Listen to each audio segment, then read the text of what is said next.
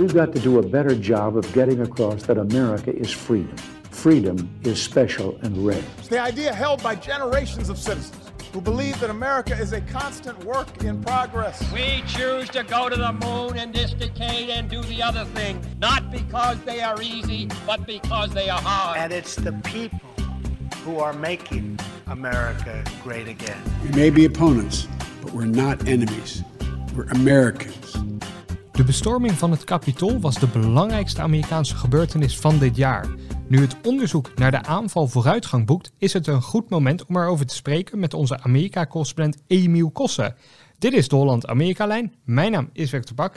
En welkom aan Emiel, die voor de verandering weer terug is in, uh, in Nederland.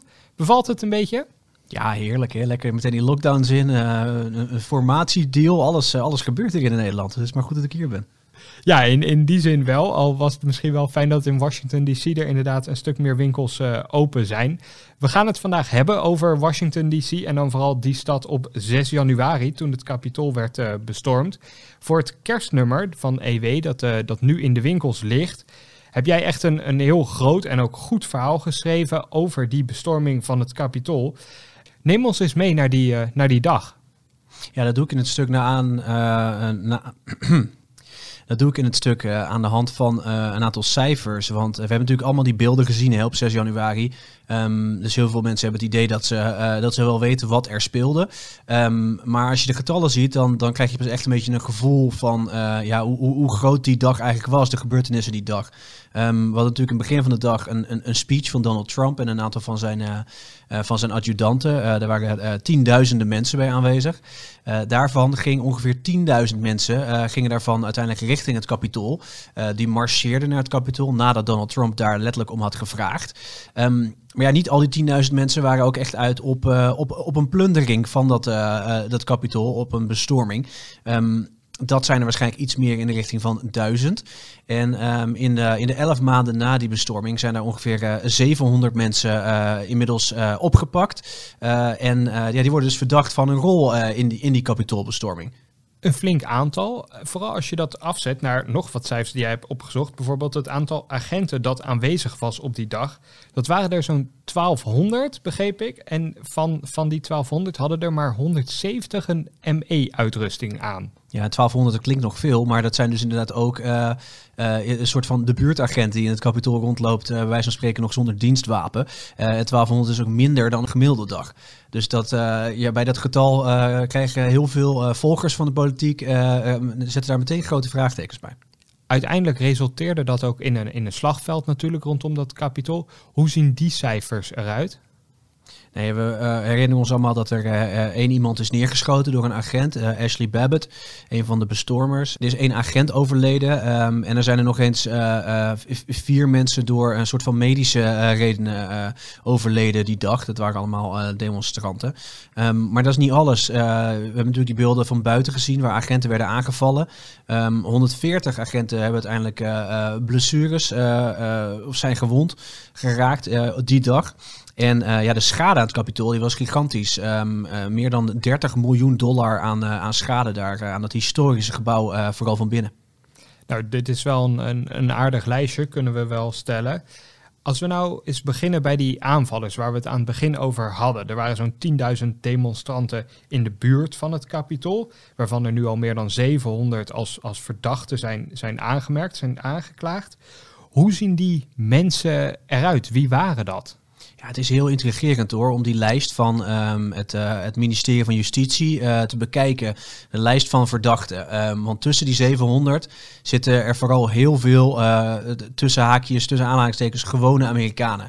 Um, de verhalen die, die zijn heel divers. Het zijn het zijn uh, moeder en zoon die, uh, die, die zich zorgen maakten over de verkiezingen en uiteindelijk in het kapitool terechtkwamen. Het zijn voormalige politieagenten, sommige huidige politieagenten. Um, in één geval was het een B-acteur uit, uit Hollywood die, um, die gewoon een profiel heeft op IMDb, op die, op die filmsite en allerlei rollen had. En op een dag besloten, ja, laat ik maar naar het kapitool gaan om, om, om daar eens, eens huis te houden. Sommigen um, hadden dat gepland, een klein deel ervan had vooraf het idee, ja, we gaan geweld plegen. Maar het over overgrote deel, ehm, zo zegt de FBI, had eigenlijk helemaal niet dat soort ideeën. Dat zijn, eh, ja, wat ik zeg, gewone Amerikanen die een beetje zijn meegezogen uh, in wat er om hen heen gebeurde die dag. Meelopers dus, dus eigenlijk. We hebben het in een vorige podcast al eens over de, ja, de problemen rondom het aanklagen van deze mensen gehad en of ze wel straf zouden krijgen van de rechter. Hoe, hoe staat dat er nu mee? Wat is de, de strafeis bijvoorbeeld tegen dit soort mensen, zoals zo'n B-acteur? Ja, de meeste uh, wachten nog op een, uh, op een strafmaat. Um, maar de tientallen mensen die wel zijn veroordeeld, um, ja, ongeveer de helft ervan krijgt een voorwaardelijke straf omdat van hun alleen kan worden vastgesteld dat ze bijvoorbeeld het kapitool zijn betreden.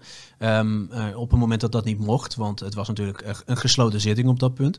Um, ja, en de, de mensen waarvan echt kan worden bewezen dat zij een rol hadden in um, het aansporen tot geweld daarbinnen, of zelfs al van tevoren uh, opriepen tot, uh, tot illegale acties, ja, die krijgen tot 41 maanden celstraf. Dat is degene, een van de mensen die we allemaal op tv hebben gezien, die man met die hoorns. Die, uh, die QAnon uh, shamaan noemen ze hem geloof ik. Ja, die heeft de hoogste straf tot dusver gekregen en dat is 41 maanden in de cel.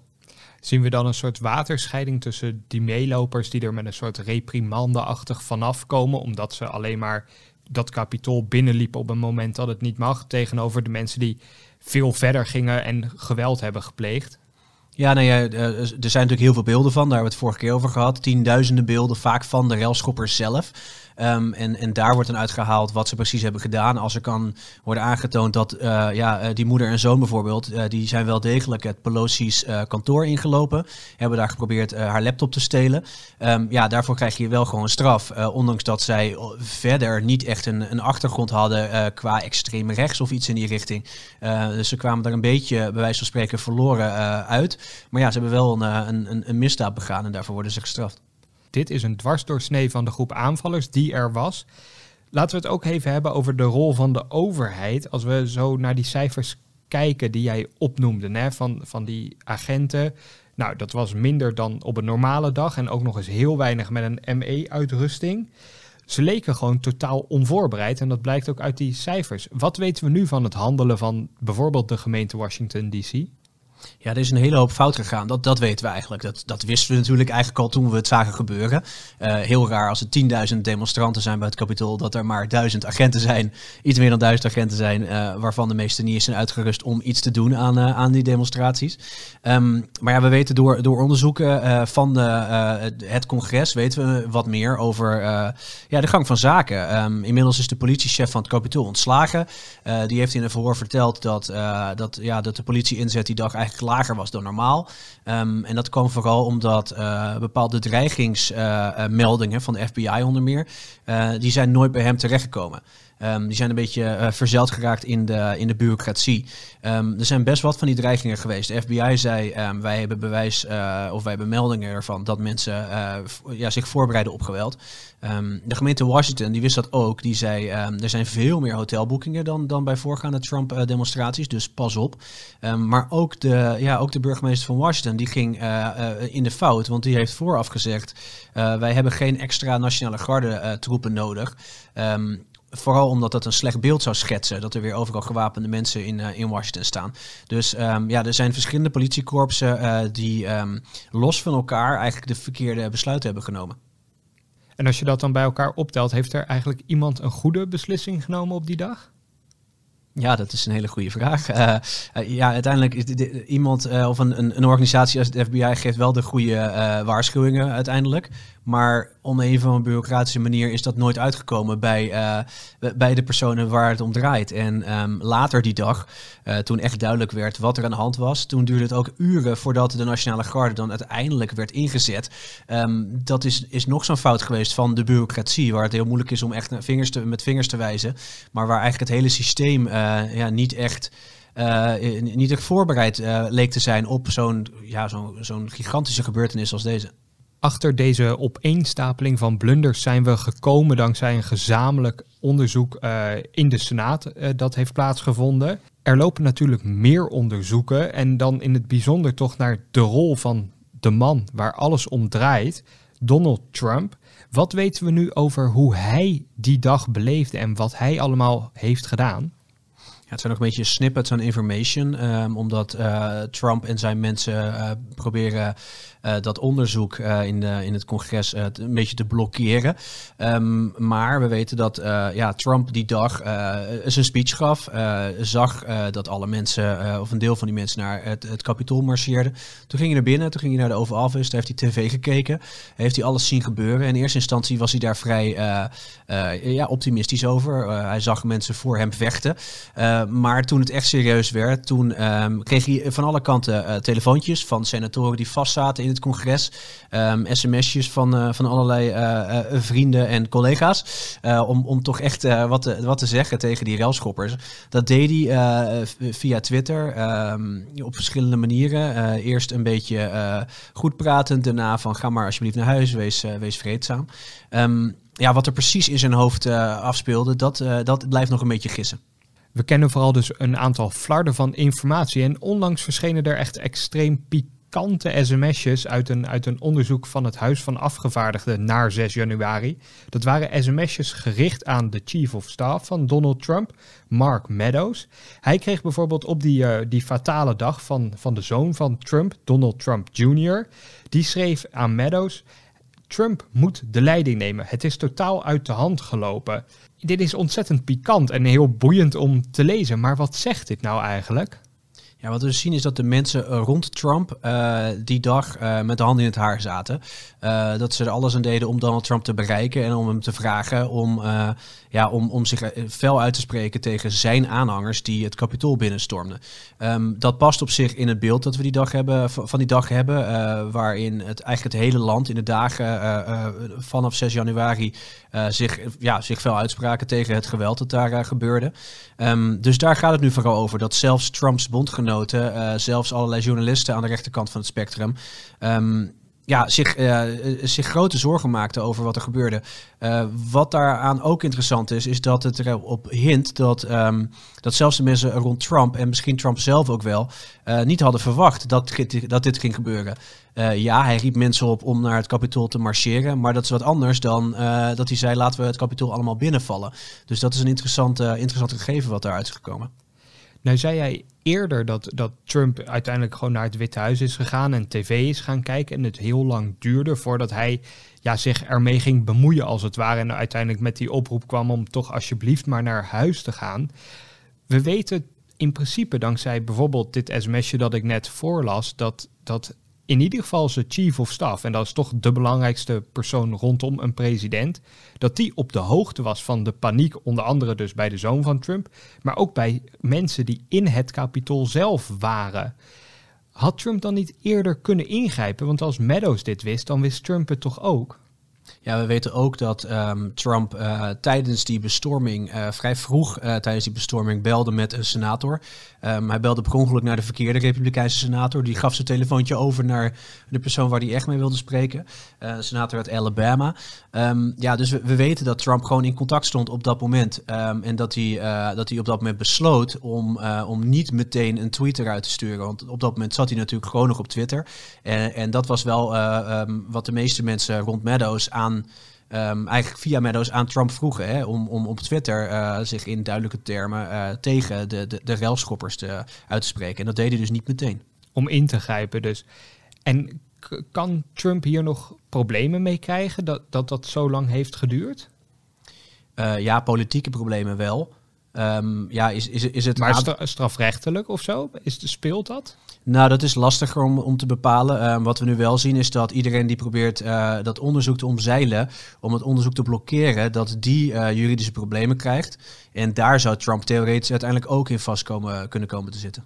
Ja, want dat is heel opvallend. Meadows heeft dus deze sms'jes overgedragen aan, aan het congres dat onderzoek doet naar 6 januari maar besloot later om die, die medewerking weer terug te, te draaien eigenlijk en medewerking te weigeren in de toekomst. Ook andere naasten van Trump, zoals bijvoorbeeld Steve Bannon, hebben dat geweigerd. Waarom doen ze dat precies en kan ze dat nog in de problemen brengen? Nou, wat we hebben gezien ehm, in die weken na 6 januari was iedereen eensgezind tegen uh, wat er gebeurde die dag, tegen de demonstranten. Uh, maar in de maanden daarna is er eigenlijk uh, een polarisatie opgetreden, um, zoals zo vaak in Amerika, met kort gezegd links-Amerika die zegt, oh wat was het erg. Rechts-Amerika zegt, er is veel te veel aandacht voor. Zo erg was het allemaal niet. Het was een paar honderd mensen die min of meer per ongeluk in het kapitool terecht waren gekomen. Um, nou ja, het politiek opportunisme bij de Republikeinen is heel groot. Die zeggen eh, laten we het er niet meer over hebben. Uh, er komen verkiezingen aan volgend jaar. Um, en zeker in 2024 willen we het er zeker niet meer over hebben. En um, ja, daaruit uh, gekomen uit die trend is dus dat mensen zoals Meadows en ook Donald Trump zelf zeggen: wij gaan niet meewerken aan het onderzoek. Um, de Democraten, want die zijn vooral dus bezig met het onderzoek, die hebben ertoe besloten om de mensen die nu weigeren om mee te doen aan het onderzoek, ja, om die echt juridisch te gaan vervolgen. En dat is wel uniek. En wat voor gevolgen kan dat dan uiteindelijk hebben? Belanden ze dan in de gevangenis omdat ze niet mee willen werken? Nou, dat kan in het uiterste geval inderdaad gebeuren. Uh, Steve Bannon, die, uh, die is al uh, ja, officieel vervolgd voor het feit dat hij um, niet kwam opdagen bij, bij een van de verhoren. Um, ja, in, in, in een maximaal geval kan hij een jaar de gevangenis in. Uh, ik weet niet of die strafmaat ook zo hoog zal worden. Um, hoe het gaat is dat het congres eerst uh, iemand uitnodigt. Als die dan niet komt, dan kunnen ze nog een waarschuwing uh, uitvaardigen. Uiteindelijk kunnen ze um, met het hele huis van afgevaardigden zeggen: we gaan hierover stemmen. was dit een misdaad? Um, ja, bij Bannon hebben ze dat gedaan. En ze hebben gezegd, ja, dit was een misdaad. En dan kunnen ze het naar het departement, het ministerie van Justitie sturen. En die moet dan overgaan tot vervolging. Um, ja, die zijn natuurlijk heel vaak verhoren geweest in de geschiedenis van uh, het Amerikaanse uh, congres. En eigenlijk tot 2016 werd er altijd besloten om niet tot vervolging over te gaan. Zelfs als mensen niet kwamen opdagen. Maar nu zeggen, uh, ja, de, deze commissie zegt nu, dit was zo erg. Dit was een aanval op het Amerikaanse hart van de democratie. Um, dus als je ja, willens en wetens niet meewerkt aan dit onderzoek, dan, ja, dan moet je gewoon worden vervolgd. En dat, dat zien we dus nu gebeuren. De onderzoekscommissie die dus nu gaande is, zet echt ongekende stappen. Bijvoorbeeld door mensen te gaan vervolgen als, als ze niet mee willen werken aan het onderzoek. Die weigering van medewerking laat ook zien die verdeeldheid. Vooral dus aan republikeinse zijde, maar ook de democraten die er echt een, een jacht van aan het maken zijn. Ja, ook dat is politiek opportunisme. De democraten willen het liefst er zoveel mogelijk over hebben. Ze hebben natuurlijk gewoon een punt dat het een, een, een enorme smet is op een democratie. En dus dat we erover moeten praten. Maar zij weten ook in hun achterhoofd, uh, hoe, hoe meer het erover gaat, uh, ja, hoe slechter het is voor de Republikeinen.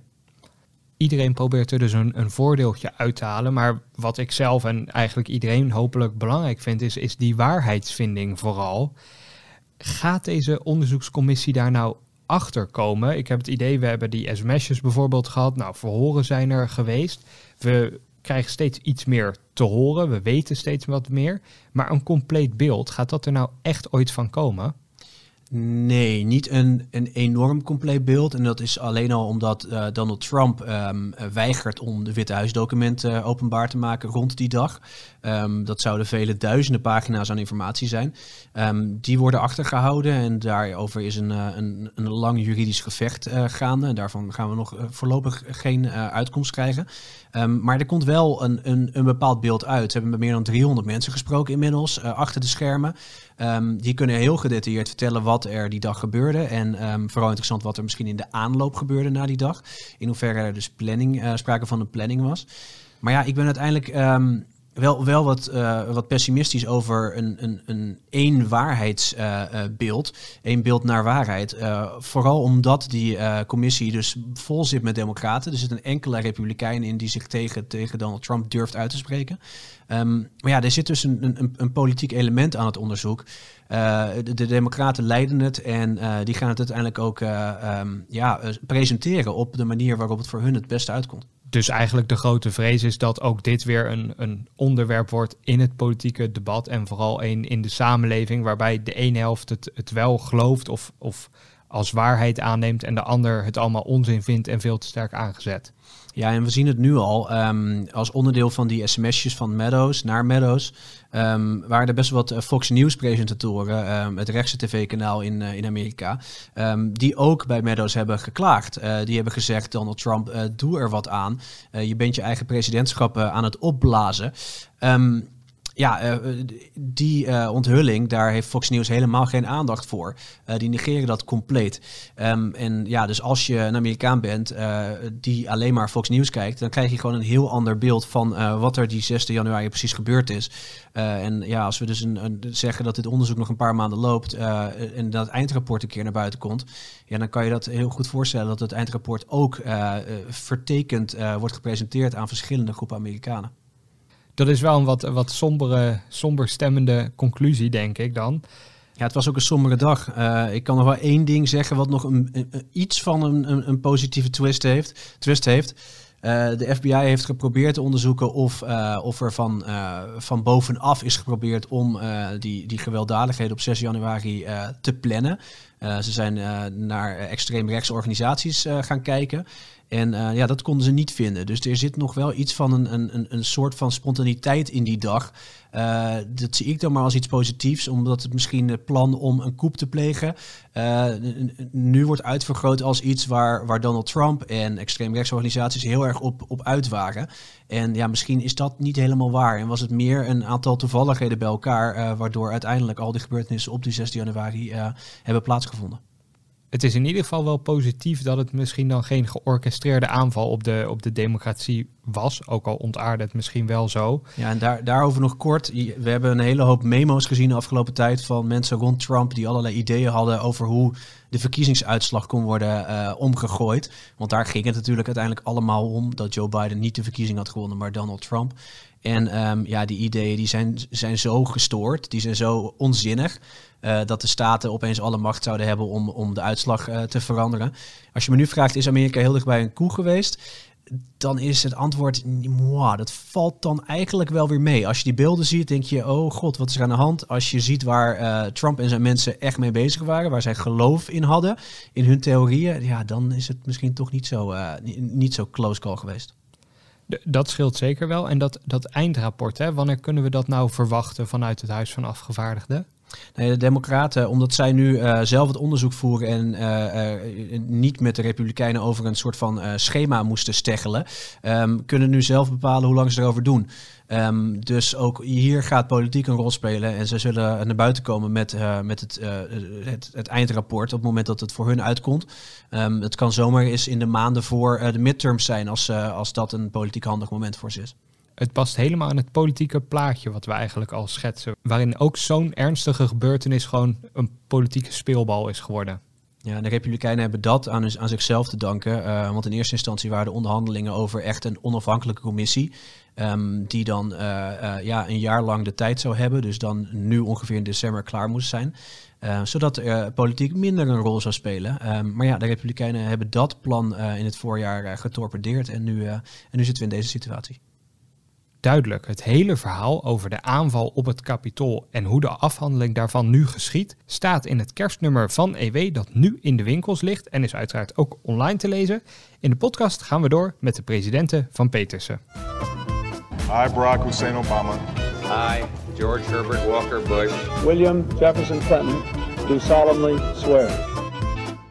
De presidenten van Petersen. So help me God. Goed dat je weer bij de podcast bent, Koen.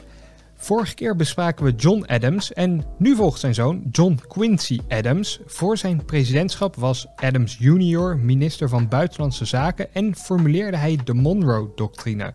Hoe belangrijk was die doctrine? John Quincy Adams was een bijzondere man die een bijzondere plek in de Amerikaanse geschiedenis heeft uh, ingenomen. Niet alleen was hij de zesde president van Amerika, maar hij was ook de eerste president na de generatie van de Founding Fathers. Hij was de zoon van een van die Founding Fathers, de zoon van John Adams. En daarmee dus ook de eerste zoon van een president die zelf ook president werd en in de voetsporen van zijn vader zou treden. Al was hij van na de generatie van de Founding Fathers, hij was wel onderdeel van de politieke adel, als je dat zo zou kunnen zeggen. Hij was heel lang secretaris van zijn vader geweest. Ook toen hij in het buitenland probeerde geld los te weken voor de ontluikende nieuwe democratie. Onder meer in Nederland en in Londen. En later zou hij zelf ook diplomaat worden. Hij was ambassadeur in de UK, in Rusland, in Pruisen en ook nog een periode hier in Nederland. Vanwege die enorme internationale achtergrond benoemde president James Monroe hem tot minister van Buitenlandse Zaken. En dat was een bijzondere positie, want veel ministers van Buitenlandse Zaken werden uiteindelijk president. Dat was een soort opstapje naar het Witte Huis. En dat zou ook John Quincy Adams overkomen. Want in 1824 lukte het hem om gekozen te worden als president. En vervolgens kon hij het Witte Huis betreden. Maar het treurige was dat net als zijn vader hij ook een one-termer zou worden. Een president die na één termijn door de kiezers naar huis zou worden gestuurd. Waar dat voor veel verslagen presidenten het einde betekent van hun politieke carrière, begon eigenlijk de echte politieke carrière van Adams pas na zijn periode in het Witte Huis. Want hij werd lid van het Huis van Afgevaardigden namens Massachusetts. Progressieve staat, ook toen al. En dat was in een tijd waarin die discussie over slavernij uh, begon op te spelen. Een uh, toch wel belangrijk fenomeen. Want Adams als uh, vertegenwoordiger van een van de noordelijke staten, maar met het gezag van een oud-president, was in staat om in het congres met name zich ook ongelooflijk hard te maken voor het lot van de zwarten en het lot van de slaven. En hij streed onvermoeibaar voor het afschaffen van de slavernij. Hij overleed in stijl, zou je kunnen zeggen. In 1848 tijdens een debat kreeg hij een beroerte en stortte die op de vloer van het Huis van Afgevaardigden in elkaar. Hij werd met een groep collega's naar een ruimte gebracht waar hij zou worden verzorgd. Een van de mensen die hem droeg was Abraham Lincoln, die later zelf een van de grootste presidenten van Amerika zou worden. En twee dagen na de beroerte overleed Adams in het gebouw van het congres. En dat was dan ook een passende symbolische afronding van een leven dat volledig in de teken had gestaan van de publieke zaken. En als je terugkijkt op het hele oeuvre dat John Quincy Adams als politicus heeft uh, achtergelaten, is er eigenlijk toch wel één zaak die met kop en schouders boven alle andere zaken uitsteekt. En dat is de zogenaamde Monroe-doctrine. John Quincy Adams was zoals gezegd minister van Buitenlandse Zaken onder president James Monroe. En hij heeft een doctrine geschreven in die hoedanigheid waarin hij de fundamenten van Amerikaans buitenlands beleid nog eens op een rijtje heeft gezet. James Monroe als president stuurde dat in zijn jaarlijkse bericht van 1823 naar het congres. De doctrine is ook naar de president genoemd, maar de intellectueel vader ervan was John Quincy Adams. En deze doctrine had vooral een focus op het westelijk halfrond, eigenlijk op het Amerikaans continent. Wat je in die tijd zag was dat Europese mogendheden toch nog grote koloniale driften hadden. En uh, om die reden ook hun pijlen hadden gericht op het Amerikaans continent. En onder meer Rusland had ambitie om ook voet aan de grond daar te krijgen. En daar was Engeland eigenlijk niet zo blij mee. Want Engeland was bang dat daarmee de internationale machtsbalans zou worden verstoord. Dus Engeland had gevraagd bij monden van minister van Buitenlandse Zaken George Canning van goh, zullen we gezamenlijk een verklaring opstellen waarbij we eigenlijk dit soort situaties als not done gaan beschouwen. En James Monroe had daar uh, wel uh, oren naar. Uh, maar John Quincy Adams zei: de inhoud van dat statement is hartstikke goed, maar als we dat samen doen met de UK, dan maken we onze positie minder autonoom, minder onafhankelijk. En dat moeten we juist niet willen. Laten wij deze doctrine eenzijdig over de wereld uitstrooien. Uiteindelijk ging uh, James Monroe daarmee akkoord. En zo ontstond dus die beroemde Monroe-doctrine. Nou, wat betekende die doctrine in de praktijk? Dat eigenlijk twee fundamentele invalshoeken. De eerste was dat Amerika zich opwierp als de beschermer van het Amerikaans continent.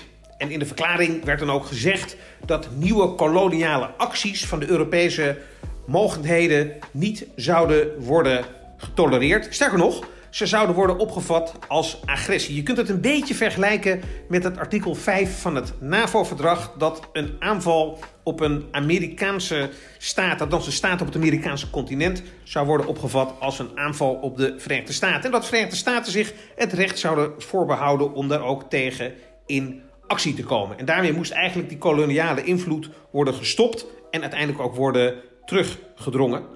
Maar Amerika had wel iets in ruil daarvoor. En dat was de toezegging dat Amerika zich ook niet zou bemoeien met de koloniale activiteiten van de Europese landen elders. Dat ze daar geen mening over zouden hebben, dat ze dat politiek niet zouden uitbuiten en dat ze ook op andere manieren de Europese mogendheden niet voor de voeten zou gaan lopen.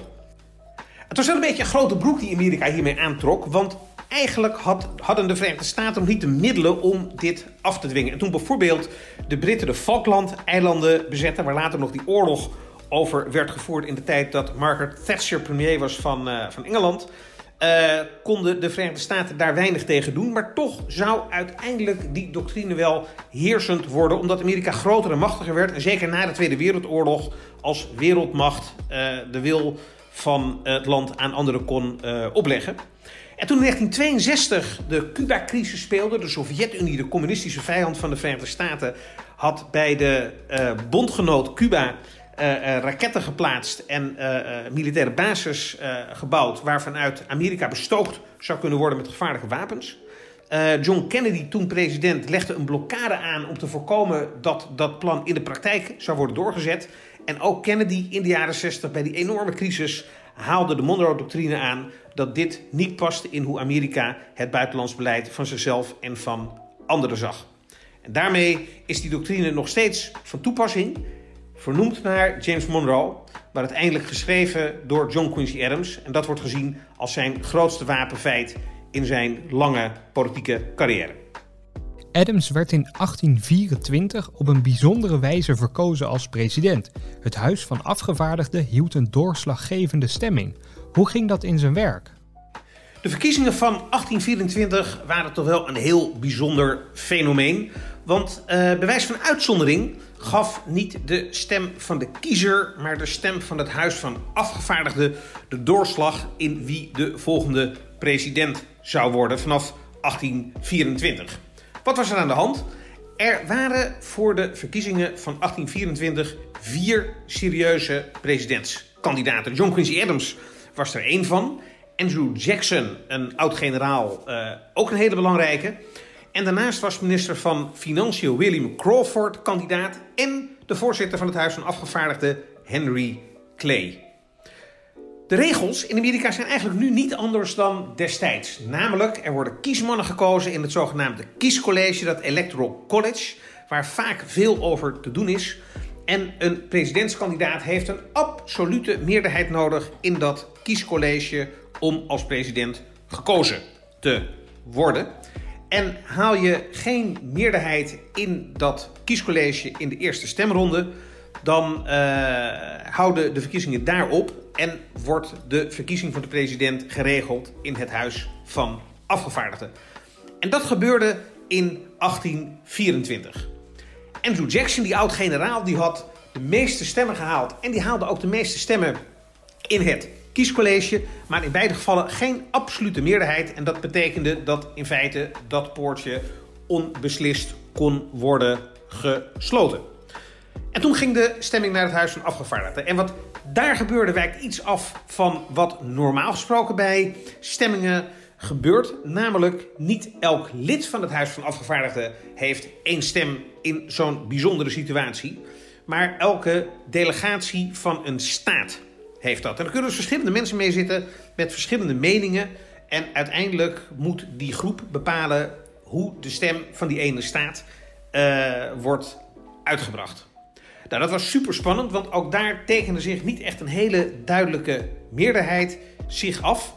Uh, en van die vier kandidaten mocht Henry Clay niet meer meedoen. Want in zo'n proces, als het Huis van Afgevaardigden over de aanwijzing van de uiteindelijke president gaat, dan mogen alleen de drie best scorende kandidaten daaraan meedoen. En uh, Henry Clay was als vierde geëindigd en uh, viel dus buiten de boot. Maar hij was voorzitter van het Huis van Afgevaardigden, dus hij had grote invloed op wat daar procedureel zou gebeuren. Nou, het is niet helemaal duidelijk wat daar precies is gebeurd, maar er zijn wel in de ogen van de vijanden van John Quincy Adams verdachte omstandigheden. John Quincy Adams en Henry Clay hadden een uitgebreid gesprek uh, met elkaar. Men wist daar ook van, maar wat daar werd besproken was niet duidelijk. En dat is nooit echt helemaal helder geworden. Maar wat wel niet veel later gebeurde tijdens die stemmingen, was dat de delegatie van Kentucky, de staat waar Henry Clay ook vandaan kwam en dus ook gewoon afgevaardigde voor was als voorzitter van het Huis van Afgevaardigden. Die delegatie van Kentucky stemde bij de uiteindelijke verkiezing voor John Quincy Adams en niet voor Andrew Jackson.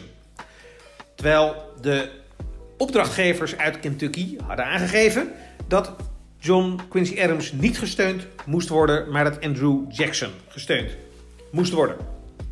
Dat leidde uiteindelijk ook met een aantal andere stemmingen die uh, uh, werden verschoven tot de verkiezing van John Quincy Adams, terwijl hij niet de meeste stemmen had gehaald in het land en ook niet bij het kiescollege. Um, maar goed, zo waren de regels. Dus met grote tegenzin van de aanhangers van Jackson werd John Quincy Adams president. Maar toen kwam de aap uit de mouw, niet lang na de inauguratie van de nieuwe president in maart 1825, werd Henry Clay aangezocht als minister van Buitenlandse Zaken. En daarmee haalde John Quincy Adams, maar ook Clay, de woede van de vijanden van Adams over zich af. Um, wat werd gesproken over een corrupte deal? Hoe kan het nu dat ze een gesprek hebben, dat de delegatie van Kentucky opeens voor John Quincy Adams gaat stemmen tegen de instructies in? En ja hoor, kijk eens aan, de kroonprinsenpositie, die van minister van Buitenlandse Zaken, wordt gegeven aan Henry Clay. Hier moet sprake zijn van een corrupte deal.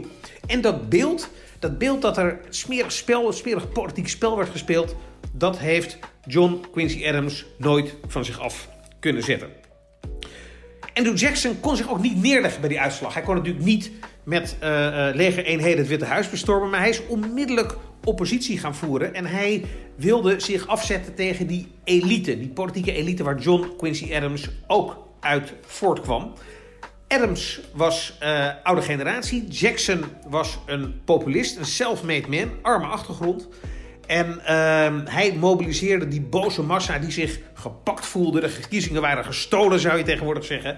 Die mobiliseerde hij om op alle mogelijke manieren oppositie te voeren. Zowel in publiek debat, maar ook in bijvoorbeeld de kranten en in sentimenten in het land. En het wekt dan ook weinig verbazing dat in 1828 Jackson uiteindelijk alsnog werd gekozen tot Amerikaans president. Hij zou twee volle termijnen dienen. Hij werd tot de betere presidenten van Amerika gerekend. Zijn standbeeld staat tegenover het Witte Huis. En hij leeft zelfs voort op het 20 dollar biljet... waar je in Amerika nog steeds betalingen mee kunt verrichten. Met andere woorden, Jackson verloor de verkiezingen van 1824... maar de winnaar, John Quincy Adams, is uiteindelijk meer in de vergetelheid geraakt... dan de man die hem uiteindelijk vier jaar later toch zou opvolgen. Net als zijn vader slaagde John Quincy Adams er niet in om te worden herkozen. Hoe kwam dat? Tja, net als zijn vader slaagde ook John Quincy Adams er niet in om voor een tweede termijn te worden gekozen. Net als zijn vader was hij een one-termer, een president die na één termijn van vier jaar door ondankbare kiezers naar huis zou worden gestuurd. En het gekke is dat Adams als enorm talentvol werd gezien en tegelijkertijd als een niet heel erg goede president. Niet alleen door de kiezers destijds, maar later ook nog in de ranglijstjes van Amerikaanse presidenten.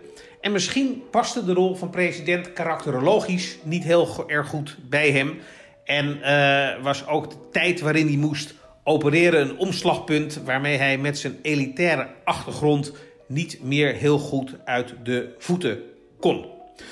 Een paar factoren speelden een rol wat hem uh, uh, tot een one-termer heeft gemaakt. Om te beginnen begon hij natuurlijk beschadigd aan zijn presidentschap. Zoals net al aan de orde kwam, was die verkiezing van 1824 een hele merkwaardige. En die geur van fraude, van een achterkamerdeal, van gedoe, van dingen die niet deugden, van gestolen verkiezingen, dat bleef aan hem Dus dat presidentschap van Adams werd door veel mensen toch niet als volledig legitiem gezien. En hij werd een beetje gezien als een ritselaar, een regelaar. Iemand die het toch maar weer via de achterkamers voor elkaar had gekregen.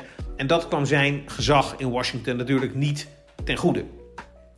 Daarnaast was hij meer intellectueel dan politicus. Hij had uh, zijn leven lang gereisd, in het buitenland gewoond, de kunst van de diplomatie tot zich genomen. Ja, en dat is toch een heel ander vak dan het vak van politicus, waar je compromissen moet sluiten, powerplay moet spelen en op een andere manier je zin moet krijgen. En hij was toch misschien een beetje een, vis in de verkeerde vijver. Toen de Amerikaanse Republiek begon, was het de bedoeling dat een president geen politicus zou zijn. En George Washington, de eerste president, had ook heel erg zijn best gedaan om boven de partijen te staan. En eerder een soort rechter dan een soort politicus te zijn. Uh, John Adams, de tweede president, de vader van John Quincy, had dat ook geprobeerd. Dat liep toen al slecht af, omdat John Adams werd vermalen in het politieke spel dat na het vertrek van Washington uh, begon. En John Quincy Adams stapte een heel klein beetje in diezelfde val. Het zou misschien toch ook een beetje met de cultuur en de instelling van die Adams-familie te maken hebben gehad.